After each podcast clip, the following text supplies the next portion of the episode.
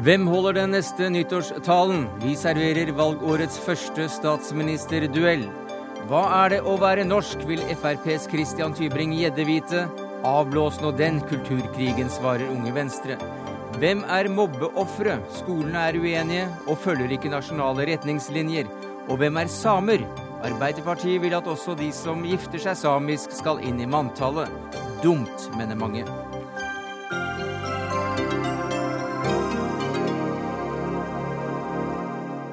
Ja, Det er noen av sakene i Dagsnytt 18 denne torsdagen, der vi også får en vurdering av korrupsjonsjakten i Kommune-Norge. Men først til et par nivåer over det kommunale, nemlig til staten og til de som styrer, og gjerne vil styre den etter stortingsvalget om 249 dager. For da statsministeren talte til folket første nyttårsdag, hadde Arbeiderpartiet lavere oppslutning enn Høyre ved et årsskifte i nyere tid. De borgerlige synes mer samlet enn for fire år siden, mens det rødeste og det grønneste partiet i regjeringen ja, de ligger altså på sperregrensen. Og riktig godt nytt år, statsminister Jens Stoltenberg. Takk i like måte. Godt nytt år. Hvordan blir dette året?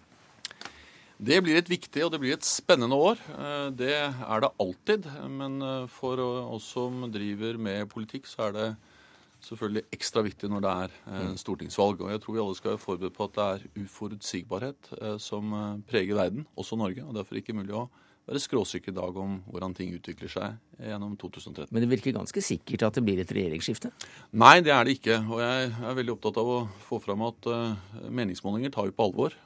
og de sier noe om stemninger, men de sier ikke noe om hva som blir de faktiske valgresultatene. Men hva slags stemninger sier de om det akkurat nå, da? Det de forteller noe om nå, er at uh, meningsmålingene i dag viser at det hadde vært valg i dag, hadde ikke vi vunnet valget. Men vi hadde ikke akkurat samme situasjon, men vi har uh, ved forrige årsskifte, årsskiftet 2008-2009 uh, lå vi også under på mm. målingene, men vant valget. Så jeg er opptatt av å vise respekt for velgerne og for det velgerne faktisk gjør i valglokalene. Og vi skal jobbe hardt hver eneste dag fram til stortingsvalget i september for å vise at vi er verdig tillit i fire nye år. Nyttårstalen din fikk jo en ganske lunken mottagelse, men tiden er kanskje ikke inne for en ny eh, landing på Mars?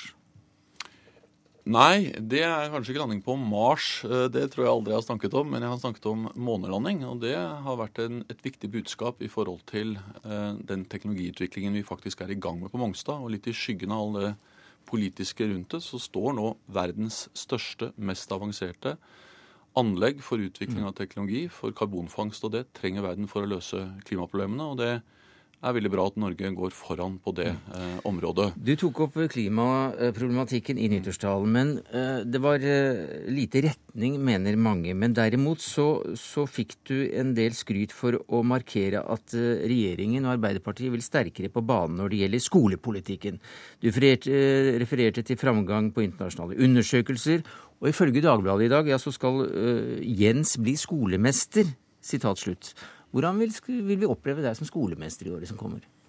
Vel, jeg er statsminister, og dermed også uh, har jeg ansvar for uh, utdanningspolitikken. Uh, sammen med, den, med kunnskapsministeren, som gjør en fantastisk jobb. Og det er jo nå ulike kunnskapsministre og regjeringen som helhet som har hatt det overordnede politiske ansvaret for den innsatsen norske lærere, norske skolefolk har gjort, og som har gjort at norsk skole er i veldig sterk framgang. Eh, det er ikke slik at vi er fornøyd, men vi skal likevel kunne glede oss over at eh, vi er det landet som har hatt den sterkeste framgangen. Norske norske tiåringer er nå de som gjør det best i matematikk i Norden. Og vi ser framgang i lesing, i naturfag, i matematikk. Så det viser at vi gjør noe veldig riktig i skolen. Det er først og fremst alle de som er i skolen som gjør den jobben, men det at vi har bevilget mer penger til flere timer, at vi har styrket undervisningen i fag som matematikk.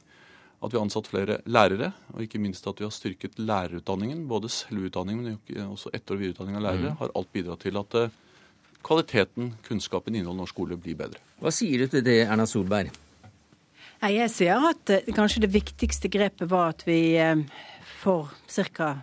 Ja, snart ti år siden tok skiftet fra den skolepolitikken som var ført på 90-tallet, til å bli ganske bredt enige om at kunnskap skulle settes i fokus gjennom Kunnskapsløftet. Det snudde fokuset i norsk skole. Det ser vi resultatene nå. Eh, men vi kan jo ikke være fornøyd med der vi er kommet. I matematikk er vi nå på gjennomsnittet. Vi har jo et land som er ganske dyrt. Det er et av de landene i verden som det har høyest kostnader i produksjon med. Det betyr at vi må være smartere enn alle de andre, og da kan vi ikke være fornøyd når vi er på gjennomsnittet. Vi må faktisk være betydelig bedre enn andre, særlig innenfor teknologifag, men innenfor egentlig hele forskning, utvikling, hele eh, ambisjonsnivået vårt når det gjelder hva vi skal oppnå i norsk skole, må rett og slett justeres betydelig opp enn det at man er fornøyd med at vi ligger på gjennomsnittet. Jeg understreket at vi ikke er fornøyd, men jeg tror likevel at vi må få lov til å stoppe opp uh, ved et årsskifte hvor vi har fått veldig uh, gode skussmål fra de internasjonale undersøkelsene. Uh, to undersøkelser som kom i desember, og de bygger på det som kom litt tidligere, som heter altså TIMS og PEARLS, og, og PISA-undersøkelsene viser alle samtens nemlig veldig god framgang. Og Da må vi glede oss over det. Og så skal vi med en gang etter at vi har gjort det, gå videre og skjønne at vi må gjøre enda mer. Når det gjelder historieskrivningen, så er jeg helt sikker på følgende. Nemlig at hvis tallene hadde gått i gal retning, så hadde ikke Høyre forsøkt å ta ansvaret for å av norsk skole etter at de har vært nesten åtte år i opposisjon. Eh, eh, det har vært bred politisk enighet om Kunnskapsløftet da det ble vedtatt i Stortinget. Det ble startet av Trond Giske, som nedsatte hele kvalitetsutvalget med Astrid Søgnen som leder i 2000, da han var utdanningsminister da. Bred enighet om den stortingsmeldingen som kom eh, under den forrige regjeringen. Men vi har ofte hatt at stortingsmeldinger i norsk politikk som ikke har blitt virkelighet. Så det er de senere årene bevilgningene har kommet, lærerne er ansatt, og den praktiske gjennomføringen er blitt gjort for å heve kvaliteten i norsk skole. Det har ikke regjeringen ansvar for alene. Det er lærerne og de som jobber i skolen som først og fremst skal takkes. Men vi har altså lagt det politiske grunnlaget, bevilget pengene, ansatt lærerne. Men Erna Solberg, eh, også når det gjelder skolepolitikken, så viser meningsmålinger at, de fleste, at det er flere som, som stoler på Høyre enn Arbeiderpartiet. Men med dette som regjeringen eh, nå har gjort, så er det mange som har vanskeligheter med å finne den store forskjellen? Det tror jeg først og fremst er fordi at det store skillet fra 90-tallet, når vi snakket om kunnskapsskole, og venstresiden snakket om en skole som skulle bruke lek til læring, den, det er ikke så synlig lenger. Men fortsatt er det jo veldig synlig i ulike prioriteringer av hva vi bruker penger på. F.eks. har vi sagt at vi er kommet et stykke på vei med Kunnskapsløftet, om det som gjennomføres i dag. Men det neste løftet i norsk skole, det er jo faktisk systematisk å løfte de som er viktigst for, læreren, for, for, for læringen i klasserommet, nemlig læreren. Og da har jo vi fremmet veldig tydelige eh, strategier for det i Stortinget. Mens det regjeringen gjør, er relativt lite på dette området. De ligger på samme nivå på etter- og videreutdanning som den forrige, altså vi som satt den forrige regjeringen gjorde. De har gjort litt på kompetansekrav, men vi har jo sagt at nå må vi gjennomføre kompetansekrav for alle lærerne som er i skolen. Vi må ha en, mer enn dobling av satsingen på etter- og videreutdanning. Vi må ikke gjøre det tilfeldig. Mm. Om en elev møter en god lærer i norsk skole. Det skal være hovedregelen at en elev møter en god lærer ja, i norsk skole. Er det ikke det for regjeringen? Jo, men det er noe vi er enige om i skolepolitikken, og da bør vi ikke konstruere uenighet. Og så er det noe vi er uenige om, og det bør vi da ha en politisk debatt om. Det vi er enige om, er å styrke lærerens rolle. Vi er i gang med det. Vi er ikke i mål, men det er en tydelig styrking av lærerens rolle når vi har styrket eh, selve lærerutdanningen. Vi stiller for første gang klare kompetansekrav til lærere som skal ansettes i skolen. Og vi har forbedret betydelig eh, ordningen for etter- og videreutdanning av lærere, slik at vi nå gir mer etter- og videreutdanning til lærere. Og vi har fått en 50% økning i antallet som søker seg til lærerskolen. Da blir det også bedre lærere av det. Der, Det er vi enige om. Vi jobber med det og er i gang. Og vi ser altså gode resultater, eh, og, og det skal vi glede oss over. Så eh, er det uenighet om en par andre områder, og det er f.eks. synet på privatisering. Sverige har jo valgt en omfattende mm. privatisering. De har opplevd at de faller på de internasjonale rangeringene. Norge stanset privatiseringen. Eh, og vi øker på de internasjonale rangeringene. Og det andre er at en avgjørende forutsetning for en god skole er at vi velger å styrke kommunene. Vi har valgt å bruke mange milliarder på eh, styrket kommuneøkonomi, slik at de kan ansette flere lærere. Eh, bruker man mange milliarder på lavere skatt, spesielt til de som har aller mest fra før, så blir det mindre penger til bl.a. å mm. satse på skole. Vi, vi, lar akkurat den skoledebatten eh, ligge, Erna Solberg. Jeg hører at du, du fra, Minde, fra, fra, fra Minde har veldig lyst til å svare på, på den. og det, det, er viktig nok, fordi mange regner jo med at akkurat skolepolitikken kan bli veldig vesentlig i valgkampen som kommer. Men frihet og trygghet skapt av fellesskapet, det er magien i landet vårt, sa Jens Stoltenberg eh, til oss første nyttårsdag. Er du enig i dette vellykkede bildet Stoltenberg maler av Norge? For veldig mange nordmenn så har vi et fantastisk bra samfunn. Eh, for noen så er det ikke så bra. Eh, de har utfordringer, og de sliter. En av grunnene er faktisk at det fortsatt er mange som går ut av norsk skole uten å kunne lese og skrive. De får ikke god nok tilknytning til eh, arbeidslivet pga. det. Andre møter utfordringer på veien innenfor både rus og psykiatri. Vi har ikke en tydelig og klar nok prioritering av de områdene. Så det er mange som sliter. Vi kan ikke bare si at vi har et glansbilde i Norge. For det er jo sånn at antall sysselsatte, eller eh, andel sysselsatte som har funksjonshemminger i arbeidslivet, har faktisk gått ned. Det er, en, eh, er jo en, utfordring, syns jeg, som å gripe tak i. at det å få lov å bruke seg selv, selv om man har en funksjonshemming, det er faktisk en av de eh, tingene som gjør at vi har en høy livskvalitet i vårt samfunn. Det klarer vi ikke å oppnå i dag. Som ett eksempel. Jeg tror at vi må greie å formidle et bilde som handler om følgende. Nemlig at vi lykkes med mye i Norge. Eh, det gjør vi fordi vi har valgt å løse viktige oppgaver i fellesskap. Som utdanning, som eh, helse, som eh, pensjon, som andre land overlater til den enkelte. Privatiserte løsninger. Vi gjør det sammen. Spleiselaget, velferdssamfunnet. Det skal vi glede oss over. Og det gjør at mange lever gode liv i Norge. Men som jeg også sa i nyttårstalen, så betyr jo det at vi må være enda mer opptatt av de som faller utenfor og jeg tror opplevelsen av å eh, slite med økonomien, eh, ikke få fullt ut ta del f.eks. i arbeidsliv, kan være enda tøffere i Norge enn i andre land. Nettopp fordi det store flertallet har det så bra. Men du markerte jo ikke veldig akkurat eh, disse poengene som Solberg trakk fram? da, som... Vel, jeg tror det var neste avsnitt i avtalen, så sier jeg noe nettopp om det. Mm. Uh, slik at uh, jeg, I politikken så er det ofte vanskelig å være nyansert, men jeg tror i forhold til synet på Norge så må vi kunne glede oss over framgang. Glede oss over at de aller, aller fleste har mer å rutte med, har en god inntektsutvikling, har gode jobber. Flere er i jobb enn noen gang. Ny rekord i antallet som er i jobb, ny rekord i antallet private bedrifter, Men, en veldig god utvikling i privat norsk næringsliv. Og så si at nettopp derfor så er vi ikke tilfredse med at eh, en del mennesker ikke fullt ut deltar. Men igjen, da er jeg veldig sikker på at det er den norske modellen der vi får til et godt samarbeid i arbeidslivet, der vi sier at det er viktigere med skole, med helse, med omsorg enn skattelette. Eh, det er viktigere. Eh, det er den modellen vi skal løse. Regner med Minde vil inn her. Ja, for det første så er jeg enig i at det er viktig at vi tenker over alt det som er bra. Men det er nettopp det at når vi da har områder hvor det går dårligere på, f.eks. sysselsetting blant funksjonshemmede, så er det jo lett å oppfatte det som at man nedvurdere de områdene hvis man ikke snakker om de, jobber aktivt og strategisk for å gjøre noe med det. Og jeg syns jo at vi burde ha fokus på de områdene vi ikke er bra nok. For det er jo nettopp denne følelsen av at mange kan stå utenfor fordi de ikke er like vellykket og ikke har en økonomi som gjør at de kan reise til Syden to ganger i året. De har faktisk til og med problemer med å kunne reise på en tur en gang i løpet av et helt år. Den typen spørsmål skal vi alle ha ydmykhet for i et samfunn som vårt. Men så er det nettopp det at det er noen viktige virkemidler for å gjøre noe med dette. Da er vi tilbake til f.eks. det som skaper størst sosial mobilitet, det å skape den gode skolen. Og da har jeg lyst til å si jeg er ikke enig med Jens Stoltenberg i at vi er enige i satsingen på lærere. Vi har en helt annen strukturert satsing på lærere enn det Jens Stoltenberg har. Vi har mm. femårig utdanningsløp for lærerne. Vi har altså dob mer enn dobling av etter- og videreutdanningssatsingen. Vi skal stille krav til alle de lærerne som er i skolen, at i løpet av noen år så har de kompetanse. Problemet med regjeringens politikk for dette er at de smører pengene litt bredt ut. Og det Jens Stoltenberg har gjort, er at han snakker om skole hver gang det er valgkamp. Og da høres han litt ut som at han mener det samme som Høyre. Men så overlater han altså til SV, som ikke er enig med Høyre til å styre skolepolitikken i de åtte årene imellom? Vi snakker om skole hele tiden, men viktigere enn det, vi gjør noe med skolen. Og Det er jo derfor vi både på PISA-undersøkelsene og de undersøkelsene som kom nå rett før jul, har altså den sterkeste framgangen noe land kan vise til.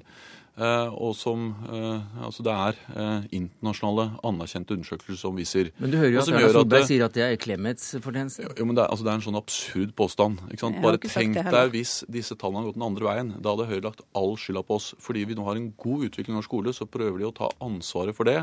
Fordi de la fram en stortingsmelding det var bred enighet om, og som altså ble startet arbeidet med den hele prosjektet da Trond Giske nedsatte Kvalitetsutvalget. Jeg er glad for at det er bred enighet om mange ting, men jeg tar det politiske ansvaret for at vi har sittet med det politiske ansvaret for å bevilge pengene, ansette lærerne og sørge for flere timer, som har gjort at disse resultatene faktisk Som har blitt sagt iverksatt. så kommer altså da skolepolitikken til å bli et helt vesentlig tema i valgkampen. Men det er ikke helt sikkert at du fortsetter da, samlivet med Sp og SV.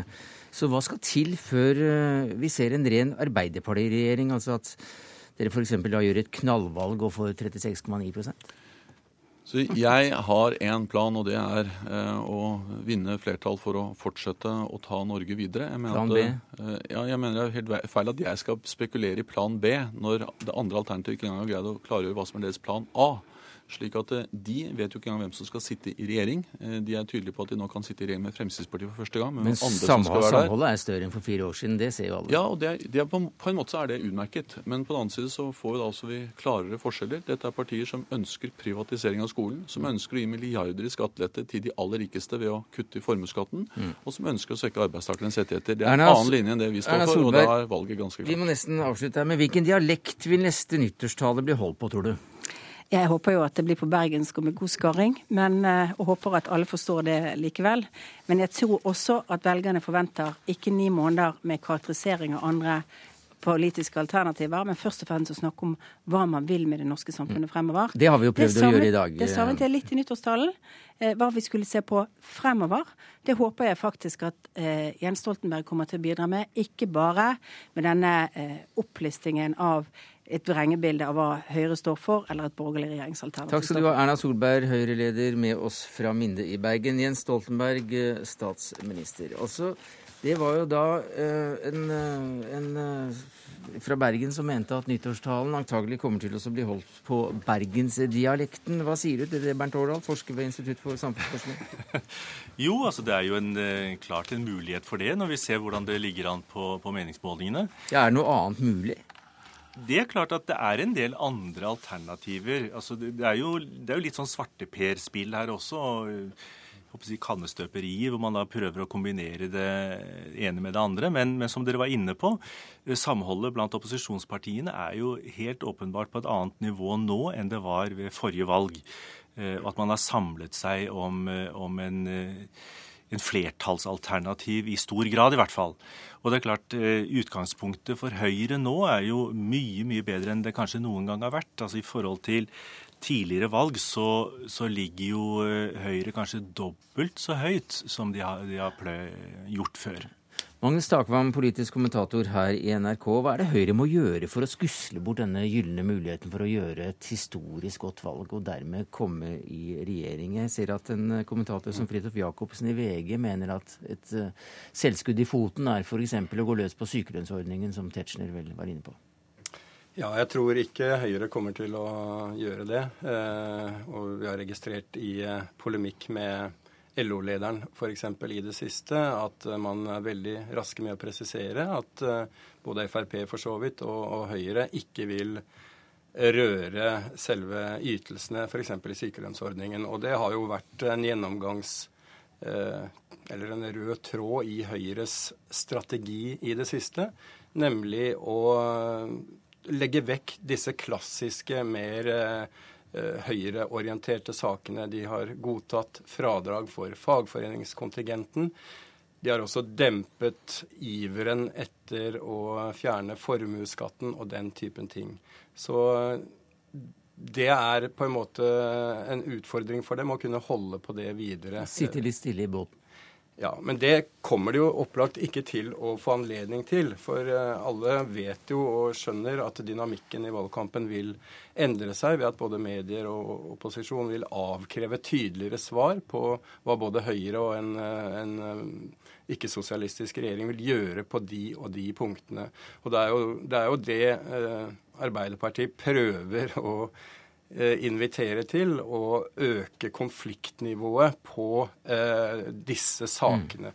Eh, mens Høyre da er interessert i å dempe forskjellene, er Arbeiderpartiet og venstresiden opptatt av å øke forskjellene for å selv å kunne mobilisere, selvfølgelig. Bernt Årdal, hvilke stemmer er det det kommer til å bli størst kamp om? Så det er, jo, det er jo på mange måter alle. Altså Vi ser jo at det er betydelig bevegelse blant, eh, blant velgerne. Og noe av problemet for de rød-grønne partiene er jo at de har ikke klart å holde på sine gamle velgere. Eh, en del av de har eh, beveget seg over på motsatt side. Og selv for Arbeiderpartiet så ser vi at ganske mange av tidligere velgere sier at de ville stemme på Høyre denne gangen. Eh, så det er ikke noen Det var jo for så vidt noe vi så jeg, i såkalte gamle dager. At man kunne si at eh, man måtte mobilisere noen nye velgere. Og så kunne man da stole på at man hadde noen fra før. Den situasjonen er helt annerledes nå. Og det har vært det nå over, over lengre tid. Så forutsigbarheten er mye mindre. Og det er jo også verdt å huske på når man snakker om liksom spørsmålet ditt i sted om hvem, hvilken dialekt neste statsministeren har, at det er fortsatt veldig mye som er åpent framover. Og vi vet jo at det er jo ganske mange velgere 10-12 eh, av hele velgerskaren som bestemmer seg på selve valgdagen. Og I den forbindelse så er noe av det vi nå ser i den politiske debatten interessant. og Det har noe med hvilken grad dette med mobiliserer. Dette at man har lagt seg så forsiktig an fra Høyres side og fra opposisjonen i det hele tatt i forhold til regjeringspartiene.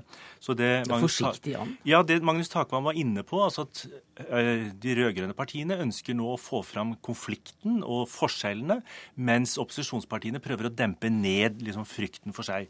Og Det kan da også bidra til at det blir en vanskeligere å mobilisere velgere til, til valgurnene. Altså at vi kan risikere at dette blir et demobiliseringsvalg. Så Det vi har sett både i 2005 og i 2009, det er jo nettopp at det var i betydelig grad mobiliseringsvalg. Bl.a. fordi at velgerne sa at de så betydelig forskjell mellom partiene.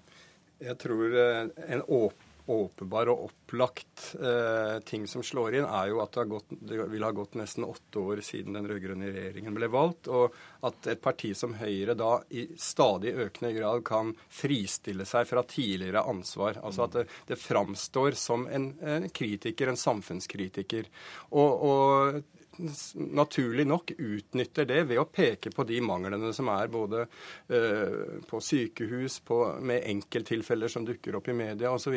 Slik at vi får en situasjon som var et eksempel på i spørretimen før jul, der Stoltenberg faktisk sa at vi har en situasjon i alle debatter der opposisjonen peker på feil på enkeltområder, enkeltcaser, og han kommer tilbake med gjennomsnittstall og liksom hva man faktisk har greid å gjøre på de enkelte områder. Og så sier han begge to har faktisk rett. Mm. Og da er det klart at uh, det er vanskelig å uh, på en måte mobilisere for, for en posisjon på den måten.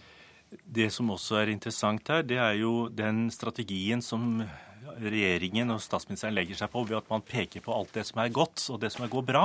Skulle bare mangle. Ja, det skulle bare mangle. Men samtidig så vet vi jo erfaringsmessig at du får veldig lite goodwill fra velgernes side på det som går bra. Du får gjerne skylda for det som går dårlig. Altså det er en asymmetri mm. i velgernes vurdering av, av eh, regjeringenes eh, gjøren og laden. Så det nytter ikke å hvile på laurbær, man må peke framover? Nettopp. Og både i 2001 og 2005 så fikk vi altså, eh, var det en situasjon situasjon hvor det lå, gikk relativt bra med økonomien, og mange hadde forventninger om at dette skulle gagne regjeringspartiene, og så gikk de i begge tilfeller på skikkelige smeller. Så unntaket her er jo faktisk valget i 2009, hvor de klarte seg som noenlunde antagelig først og fremst pga. finanskrisen og regjeringens håndtering av den.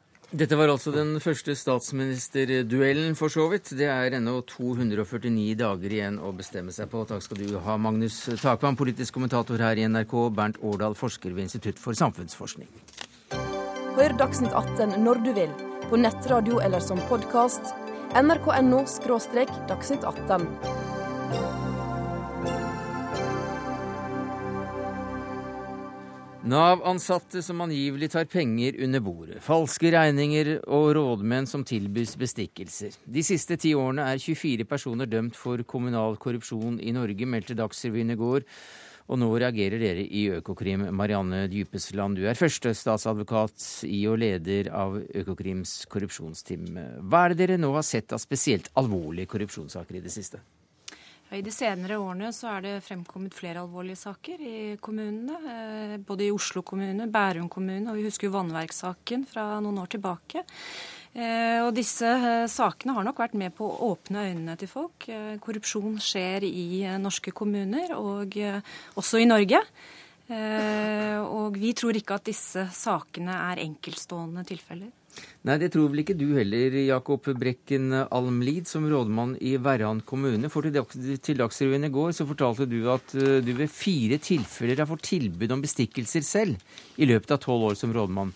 Hva skjedde, hva skjedde i disse tilfellene? Ja, jeg kan bekrefte at eh, jeg har eh, fått det. og det kan være ifra en liten sak om å få en rask og enkel byggesaksbehandling av en garasje, bygge, søknad om å bygge en garasje, til noe jeg oppfatter som eh, vesentlig mer alvorlig. Eh, ressurssterke folk som har eh, behov for at sin mor skal få plass på sykehjem, og ønsker å snike i køen. Hva kunne de tilby? Nei, det For den saken med en sykehjemsplass, så var man tilbudt kontanter i tosifret tusenbeløp. Tosifret, hva betyr det?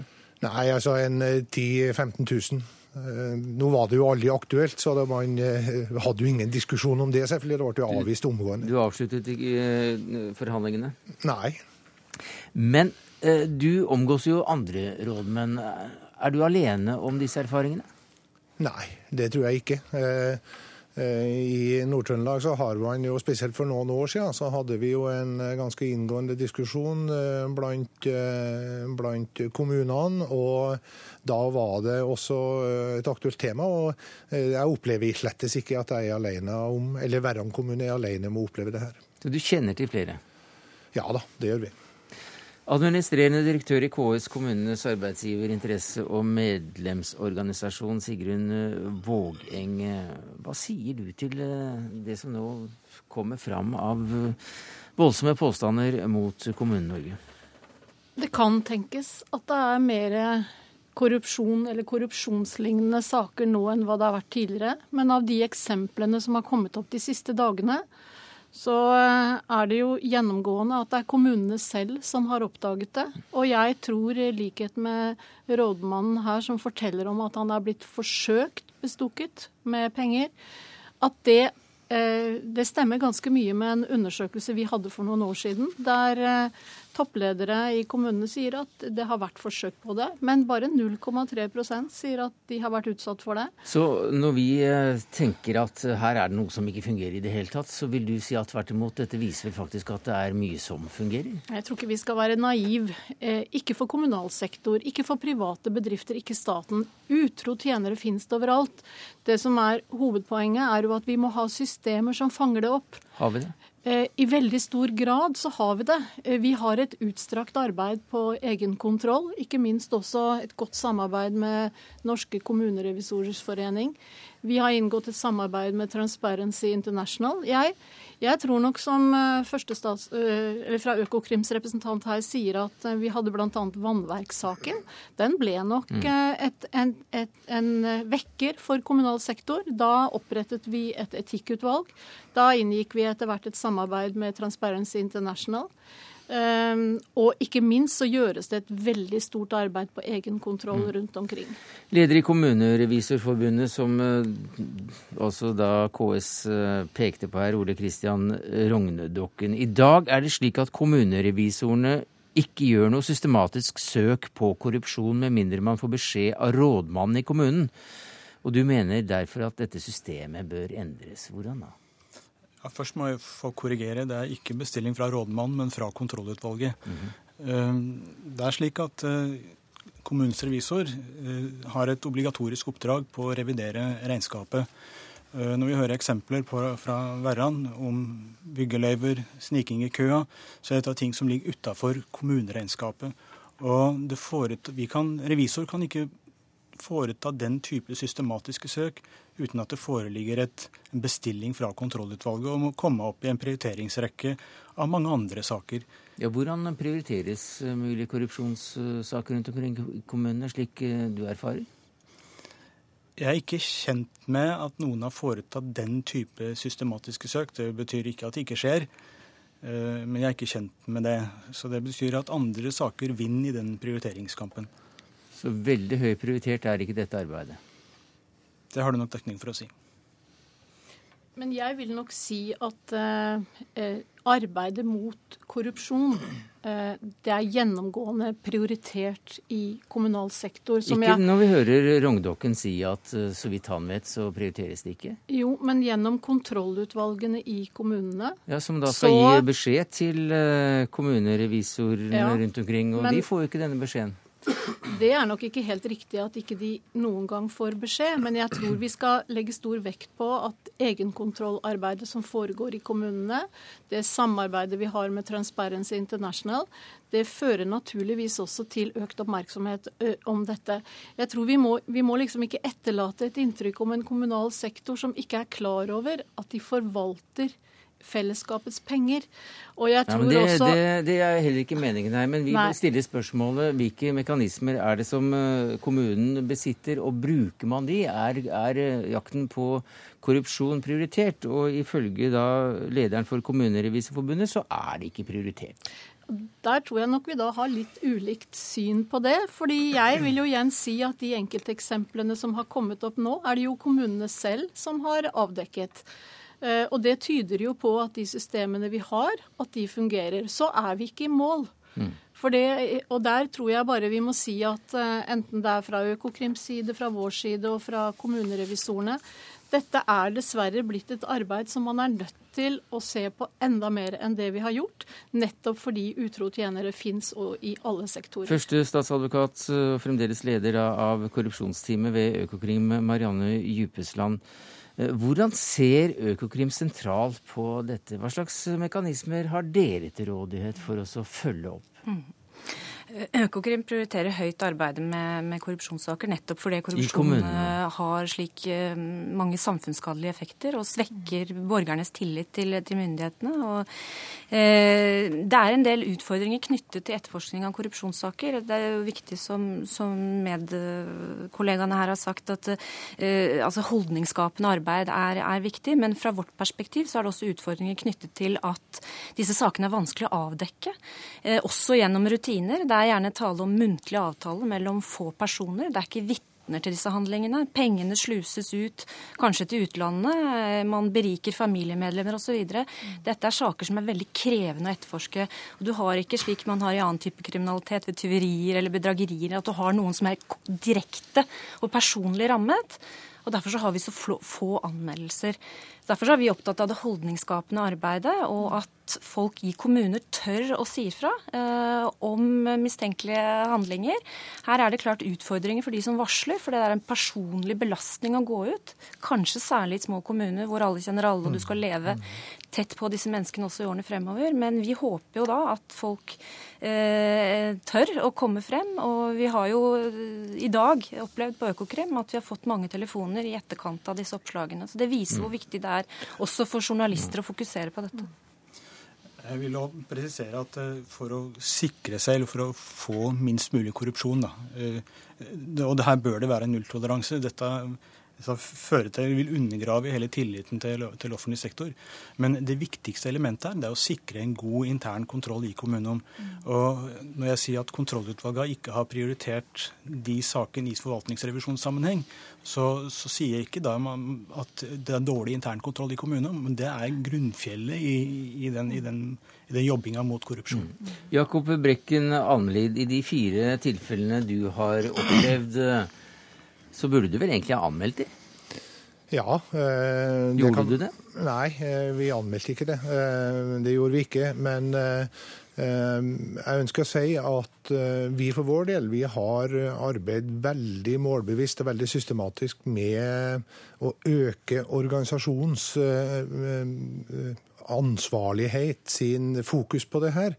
Og det tror jeg vi faktisk har eh, resultatet av. Nei, for Det å anmelde er jo da en annen skål. I 2004 ble en ansatt i Veffens kommune i Nordland f.eks. anklaget eh, for et mulig underslag to ganger.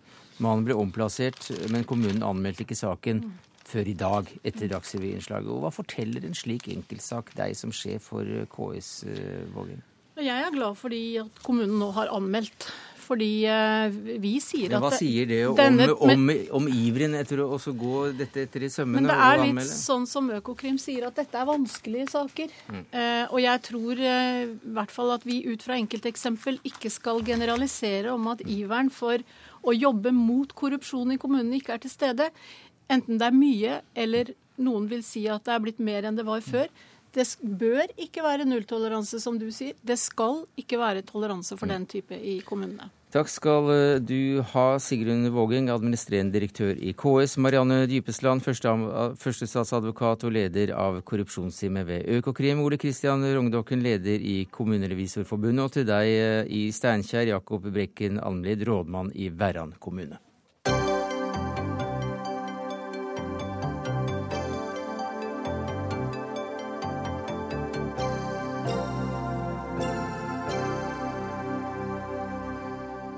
Ja, Helt siden jul har debatten om definisjonen av norsk kultur pågått i aviser og i sosiale medier. Det startet vel da med at eh, Christian Tybring-Gjedde i Frp ba kulturministeren definere hva norsk kultur er.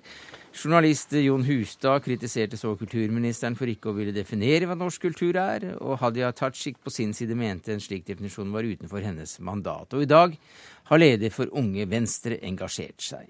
Kristian eh, Tybring-Gjedde, medlem av eh, finanskomiteen for Frp, det var du som da startet eh, dette her. Hvorfor er det så viktig å få en definisjon på hva det er å være norsk, eller hva norsk kultur er? Det er viktig av mange grunner, for det er viktig å vite hva som er umistelig. Eh, og kulturarven er et sentralt begrep. Uh, og, det, og Kulturarv per definisjon er jo en, uh, en, arv som vi har kulturelt arvet fra våre forfedre gjennom mange mange generasjoner. Og så har man tatt det beste fra hver generasjon for å skape en norsk kultur og en norsk identitet. Eh, det mener vi er viktig. Og, så syns jeg det er merkelig at ikke kulturministeren er i stand til å definere hva det er, når hun da tross alt har ansvar for kulturpolitikken. Mm. Men uh, Sveinung Rotevatn, som leder i Unge Venstre, så, så ber du Tybring-Gjedde her uh, avlyse kulturkrigen. Hvorfor det? Fordi jeg har litt problemer med å se hva som er formålet. Eh, vi kan fint sitte og ha en filosofisk diskusjon, en sosialantropologisk diskusjon om hva norsk kultur er. Jeg kan si hva norsk kultur er. Det er det som er samhandlinga mellom alle som bor i dette landet til enhver tid. Det forandrer seg, en del ting er konstant. Det er norsk kultur. Men så er spørsmålet hva skal vi bruke det til? Og Jeg registrerer at både i sitt innlegg i Aftenposten i dag eh, og i Husa sitt innlegg i går, så går disse to herrene da rett på innvandringsspørsmålet. Og da lukter jeg jo litt at det er det en egentlig vil fram til. Jeg er veldig for å diskutere innvandring. Vi er ganske uenige på det spørsmålet, men det kan vi gjøre. Men hvorfor skal på en måte denne definisjonen av norsk kultur legge premissene for det? Hva er det en skal oppnå med det? Hva er, for eksempel, hva er en definisjon på norsk kultur som inkluderer både meg og deg, Christian Tybring-Gjedde, men som ekskluderer innvandrere, eller kanskje de fleste innvandrere? Jeg kan gjerne svare på det. og Jeg går tilbake til det som heter tilhørighet. Jeg mener at skikk og bruk og tradisjoner og f.eks. julefeiringen Nå vet jeg ikke akkurat hvordan du presist du feirer julefeiring der du kommer fra, men, men eh, vi har altså visse fellestrekk som vi har arvet av våre forfedre, eh, som jeg mener er viktig å opprettholde. Er det gangen ja, ribba som er viktig? Er ikke ribba, men det, er typisk, Da kommer man inn på den er, er det juletreet som er viktig, er det pynten som henger derfra eller derfra? Poenget er at det er en rekke begreper som, som er norsk kultur og vår kulturarv. Og hva får vi ut av kulturarven? Jo, vi får tilhørighet. Og tilhørighet til det norske samfunnet og tilhørighet til det norske mm. samfunnet betyr samhold. Og samhold og tillit er helt vesentlig begrep i det norske samfunnet. Jeg føler at jeg hører rimelig godt til i, i, Norge, og jeg er ganske trygg på den kulturarven jeg kommer fra. Og nettopp fordi at jeg er trygg på den kulturarven, så har jeg ingen problemer med å møte andre kulturer, også her i Norge. For det er jo sånn kulturer utvikler seg, og det er i all hovedsak positivt. Jeg registrerer at det blir framheva en del ting, f.eks. i kronikken i går, om at det er sentrale norske verdier som, som samhold, som tillit, som demokrati, som verdiskapinger. Men du er jo enig i at det er viktige norske verdier. Um, men det er jo ingen av de verdiene som har blitt svekka av den for å være ærlig, rekordhøy innvandring har vi hatt i Norge de siste 50 åra, ikke minst de siste ti. Tvert imot, samholdet og den sosiale tilliten i Norge er høyere enn den har vært tidligere. Den går opp, og det er ganske bemerkelsesverdig og veldig positivt. Jeg lurer på hvilket, uh, hvilket land du har bodd i og bor i. Jeg bor i hovedstaden og ser at eh, SSB varsler at uh, ikke-vestlige innvandrere vil være flertallet i Oslo i 2050. og jeg ser at bydeler stadig vekk fraflyttes av etniske nordmenn fordi de ikke klarer å tilpasse seg den ene veien eller den andre. Jeg mener faktisk faktisk at innvandringen går for hurtig, slik at vi ikke får til integrering. Kan vi ikke være så snill å roe innvandringen ned noe? Ikke redder vi det landet de kommer fra, og, ikke, og vi ødelegger vårt eget land kulturelt sett. Kan vi ikke roe innvandringen noe ned, så skal vi klare å få dette til. For det første syns jeg at språkbruk som ødelegger vårt eget land kulturelt sett, ikke er veldig bra for å skape en sivilisert debatt rundt et vanskelig tema som innvandring i Norge. For det andre så bor vi i samme land, Kristian Tybring-Gjedde. Selv om du stiller til valg for Oslo og jeg stiller til valg for Sogn og Fjordane, som riktignok er litt forskjellige kulturer på mange måter, så gjør vi det. Um, men det jeg har advart litt mot i den kronikken jeg har skrevet, er at jeg frykter at vi kan være litt på vei dit den havner nå i USA. For der ser du det at særlig republikanerne angriper demokratene veldig hardt. Ikke for konkrete tiltak eller diskuterer fakta eller det som skjer, men for at de har andre verdier enn de har. At de undergraver selve den amerikanske kulturen. Det er i veldig stor grad en kunstig konflikt som er med å forsure debattklimaet. Hvis vi havner der nå, som vi er i ferd med å havne, med at en liksom definerer norsk kultur og avkrever svar på det, så er vi litt på vei inn i den samme grøfta, og det er ikke bra for politikken i Norge. Vi diskuterer ja, altså debatten rundt norsk kultur. Eh, jeg skjønner at du har lyst til å skrinlegge den debatten, for du mener den ikke finnes. Jeg sitter jo og debatterer. Ja, men nettopp. Det er det, det, vi gjør, og det er det veldig positivt. Du sa at, at du var redd for at dette var eh, avsporing. Eh, jeg syns faktisk ikke det er avsporing. Det er faktisk det som er konkret, og det som er riktig. Hva er det vi vil ha? Hva er det vi ikke vil miste? Og jeg mener det er ting ved norsk kulturen vi ikke vil miste. Jeg vil ha en sånn fellesskapsfølelse for at når vi gjør det bra på ski, eller vi gjør det bra i fotball, eller vi gjør det bra, så, eller mange andre områder, at vi har denne fellesskapsfølelsen som 17. mai. Summen av alt vi feirer på 17. mai, er norsk kultur. Og jeg mener faktisk at dette har vi skapt gjennom generasjoner. Og det skal vi ikke skusle bort på kort tid gjennom altfor høy innvandring. Men vet du hva? Jeg er ikke uenig i deg i det første du sier, men da må du også begrunne. Er det slik at den innvandringen vi har hatt til Norge har ført til mindre samhold på 17. mai? Har det ført til mindre ja. tillit i samfunnet? Ja, du mener at det har gjort det? Ja, jeg har gått i 17. mai-tog i skolekorps og musikkorps i mange, ja, mange år. Jeg har ikke opplevd noe mindre tillit eller samhold i de togene. Tvert imot. Det er noe med at Vi må se på de store trendene her. Og Med mindre du kan påvise at alt det som vi er enige om er riktig gode verdier, har blitt svekka ja, av stor innvandring, så er dette her ei vindmølle du kjemper mot. Det er konspirasjonsteori, det er ikke en reell politisk debatt. Nei, nei, nei, det er ikke noe konspirasjonsteori, det er ikke noe vindmølle i det hele tatt. Konkret på 17. mai så er det rekrutteringen til musikkorps i Oslo f.eks., hvor innvandrerungdom er, har, viser glimrende sitt fravær så kan du si sånn, det er en konkret ting. Mer konkret får jeg det ikke.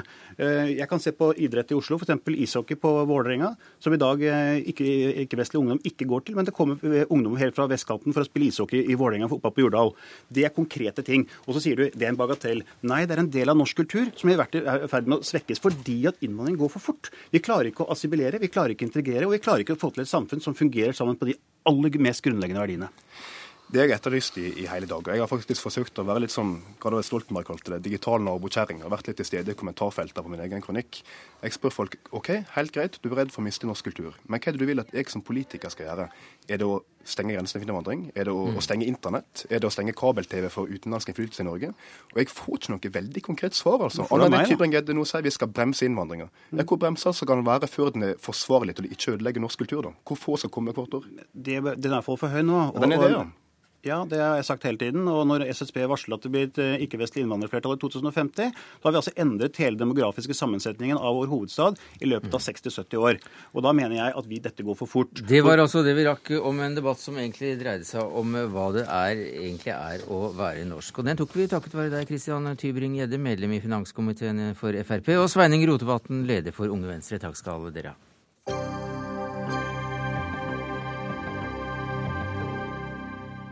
Flere skoler definerer mobbing snevrere enn nasjonale retningslinjer legger opp til. Det viser en ny eh, oppgave som eh, Vårt Land skriver om i dag.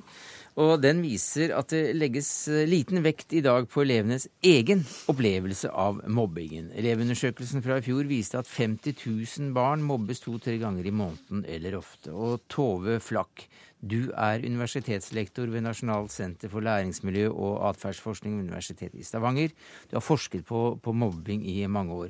Hvorfor er det slik at noen skoler definerer mobbing snevrere enn nasjonale retningslinjer legger opp til? Jeg tror nok at det kan eh, skyldes en manglende bevissthet og forståelse om hva som er mobbing. Eh, gjennom mitt eh, mangeårige arbeid med problematikken så opplever jeg at ikke alle skoler har satt seg godt nok inn i mobbingens ulike uttrykksformer. Eh, det er en del som tar den åpenbare og mer synlige mobbingen, fysiske mobbingen, mer på alvor enn den mer indirekte og psykiske plagingen som også kan foregå. Ja, hvilke negative konsekvenser har det at skolene spriker med hensyn til definisjonen av hva mobbing er? Eh, det er jo viktig å ta all type mobbing på alvor. Eh, og, det å bli utsatt for Altså hvis det er en del former for mobbing som man ikke definerer som det, eh, så vil man jo heller ikke behandle det som det. Og det er veldig viktig at mobbere blir stoppet, og at mobbeofre får hjelp. Og, og kommer ut av den situasjonen som de er i. Kristin Halvorsen, du er kunnskapsminister og vel ganske ansvarlig for deler av dette. Hvordan definerer du mobbing? Ja, det er systematisk eh, plaging og krenking, uavhengig av hva slags form det kan være. Det kan være selvfølgelig veldig tydelig, voldelig, lett å se for voksne, men det kan også være utestengning. Det kan være måter å ekskludere noen fra et uh, fellesskap på. Og det betyr jo at en må være veldig bevisst og reflektert rundt hva mobbing er. Og veldig oppmerksom på at de voksne har ansvar for å gripe inn og tro på barn når de sier ifra om mobbing. Og det er sånn i norsk skole at alle barn har rett på et godt læringsmiljø. Og det betyr at hvis noen barn sier ifra, Eh, eller at man observerer at noen opplagt ikke har et eh, godt læringsmiljø, så skal man ta affære. Men det var en eh, veldig vid og, og inkluderende definisjon, for, for, så vidt. Men hva sier du da til at det er såpass stort sprik skolene imellom når det gjelder å, å, si hva som er mobbing? Jeg tror det er veldig viktig at vi får den typen rapporter, eller dette er en masteroppgave, som nettopp inviterer til refleksjon rundt det, fordi det bevisstgjør voksne, og for så vidt barn og foreldre, rundt hva det er man skal uh, leite etter. Noen ganger så opplever vi at mobbebegrepet blir for vidt. At det blir hva skal man si, tilfeld, mer tilfeldig erting og plaging.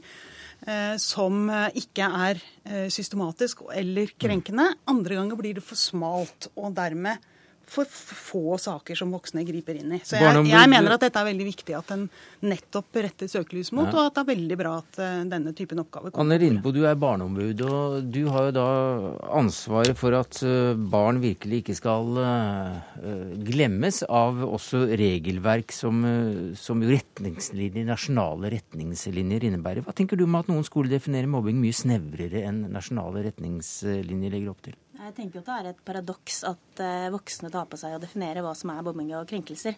For det er jo helt klart at det er barnas egen subjektive opplevelse av hvordan de har det, som eh, betyr noe. Det er det eleven kommer og sier og forteller om hvordan den har det, som skal legges til grunn. Ikke hva den voksne tenker om hva man burde tåle, eller hva som eh, er krenkelser eller mobbing. Og jeg har vært på Uranenborg skole i dag og snakket med barn og ungdommer omkring hvordan de definerer mobbelser og krenking. De var veldig klare på at de definerer det som som den vanlige typen eh, grov mobbing der man står i en ring og blir eh, slått og ropt stygge ting mot, men også like viktig, som ministeren akkurat sa, er også det med å bli utestengt og ikke få være med og få stygge blikk.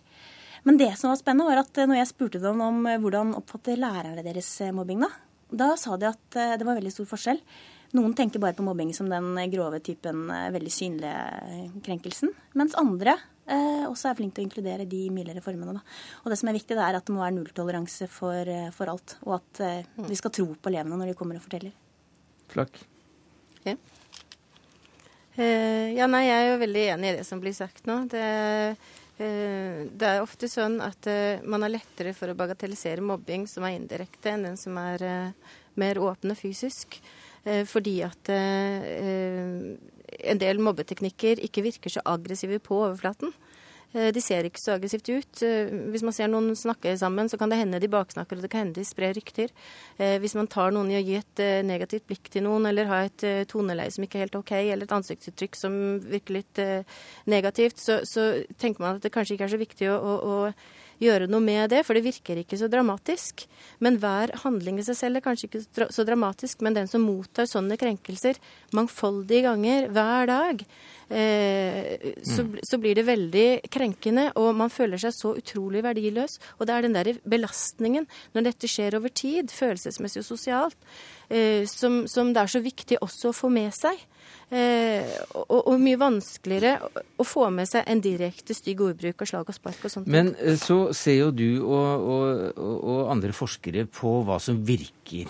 Og jeg leser i Vårt Land at uh, det er noe som ikke virker, mener du, og det er å prøve å få mobberen til å møte offeret, og at de skal gjøre opp.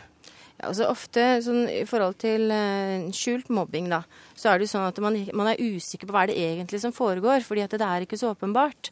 Å prøve å avdekke det ved å innkalle de involverte. La oss si det er fire jenter, da. Tre stykker som har blitt utpekt som mobbere, og en som er offer. Så blir de innkalt en, til en dialog for at læreren skal finne ut hva er det egentlig som ligger i dette. Så spør man jo om det, og da vil kanskje offeret si at nei, dere får jo de andre til å være mot meg, og dere, dere sier sånn og sånn, og, og, og, men så si, plutselig så er det tre stykker som har en annen versjon. Og da er det gjerne et eller annet de tillegger offeret.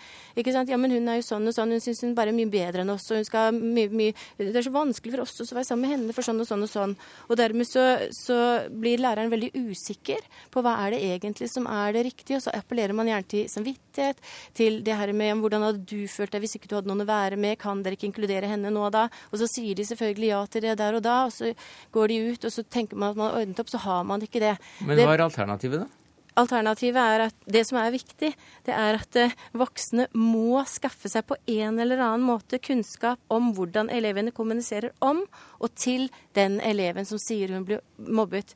At man tar alltid på alvor, slik som det er nevnt her, eh, når et barn subjektivt sier at 'jeg føler meg mobbet', og går inn og gjør en oppgave, eh, og en god nok oppgave i forhold til det å undersøke det. Og da er det kommunikasjonen om og til det, den personen og handlingene som gjøres i forhold til den personen, som man må få tak på.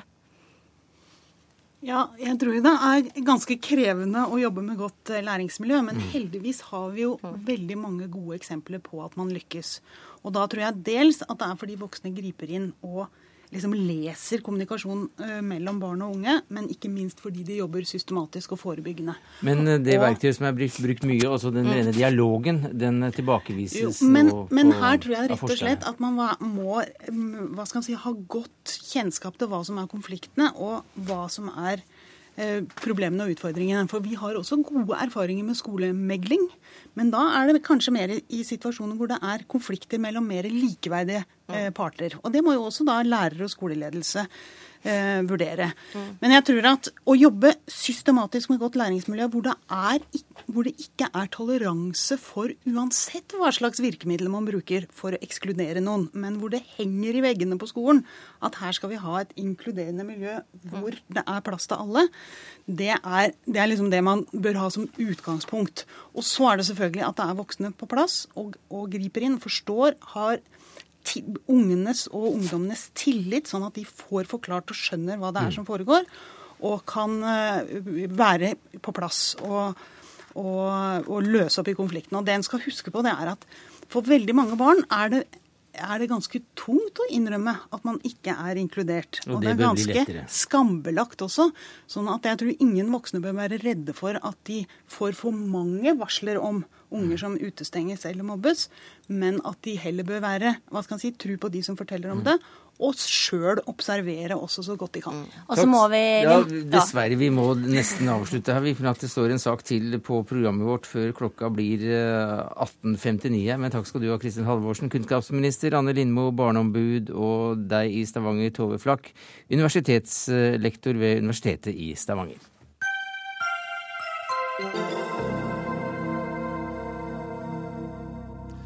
For hva er en same rent formelt? Hva skal til for å stå i samemanntallet? Vilkårene er for strenge i dag, mener Arbeiderpartiet, og foreslår å endre reglene. Partiet vil bl.a. gi stemmerett i sametingsvalg til nåværende ikke-samer som er gift med en same. Og Aile Keskitalo, du er leder i Norske Samers Riksforbund. Dere vil ikke ha noe av dette her. Hvorfor det? Vi må jo huske på hva som er begrunnelsen for og formålet med Sametinget. Det er å være et eh, representativt organ for samene. Det skal være valgt av og blant samer. Og Da blir det ganske, ganske viktig at de som, de som, deltar i sametingsvalget, enten ved å gi sin stemme eller ved å stille til valg, at de faktisk oppfatter seg sjøl som samer.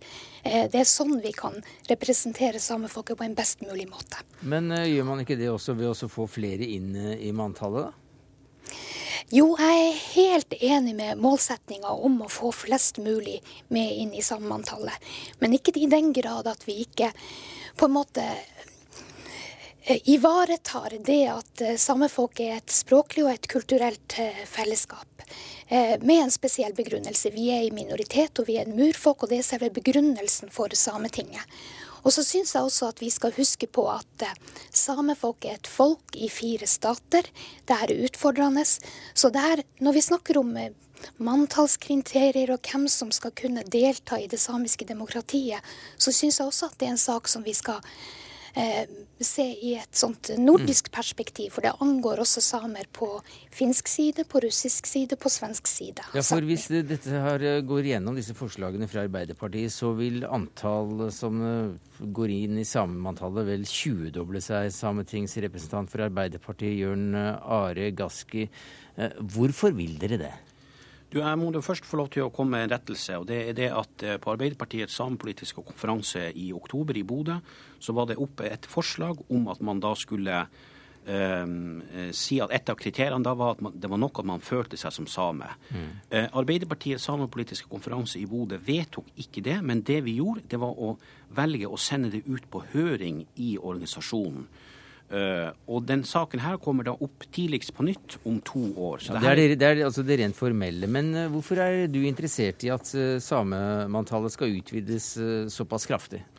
Altså vi må, vi, må, nesten begynne å se på det, hvordan vi kan være inkluderende og åpne for at de som faktisk lever et sameliv i, i samiske familier og i samiske miljøer og i samiske kommuner, hvordan de også skal bli eh, inkludert. F.eks. ved at ikke-samer i dag gifter seg med en same og dermed blir eh, i, i det samiske manntallet? Ja, så vi har jo mange eksempler på at eh, ikke-samer har gifta seg med samer, fått barn, lært seg språket og oppdratt eh, sa, sine barn da, i, i en samisk kontekst. Eh, de får ikke stemmerett, slik kriteriene er i dag. Og jeg syns det er helt greit at vi har gjort et vedtak på om at vi nå når Sametinget begynner å nærme seg 25 år, at vi kan se på nytt på de her kriteriene. Aili Keskitalo? Ja, jeg er enig om at uh, manntallskriteriene må opp til debatt med jevne mellomrom.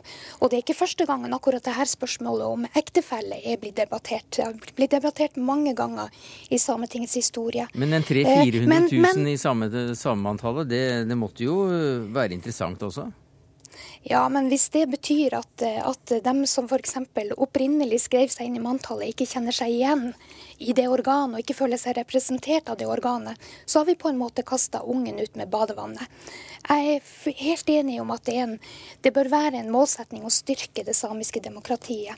Når det gjelder akkurat det her med ektefelle, så syns jeg det er et vanskelig spørsmål. For jeg syns vi skal ta inn over oss at den moderne samiske familien er vel ikke det den var for kanskje 20 eller 40 år siden. I dag er samboerskap helt vanlig.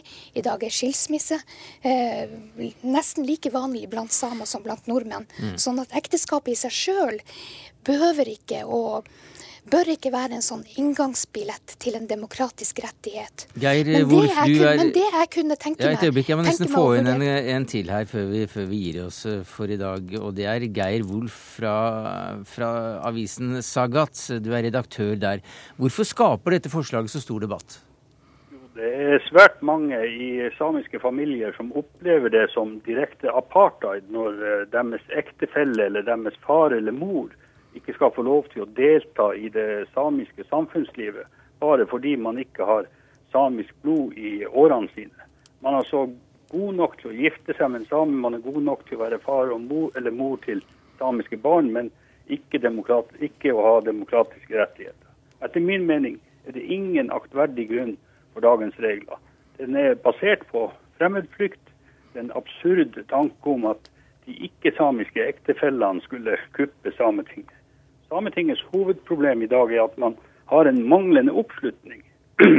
Svært mange samer har sludd eh, ryggen til Sametinget. Det er bare 14 000 personer som står i valgmanntallet i dag, etter 24 år.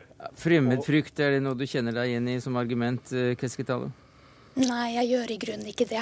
Men det jeg er enig med Geir Wulf i, er at vi burde på Sametinget være langt mer bekymra for de mange som i dag faktisk har rett til å stå i Sametingets valgmanntall, men ikke gjør det.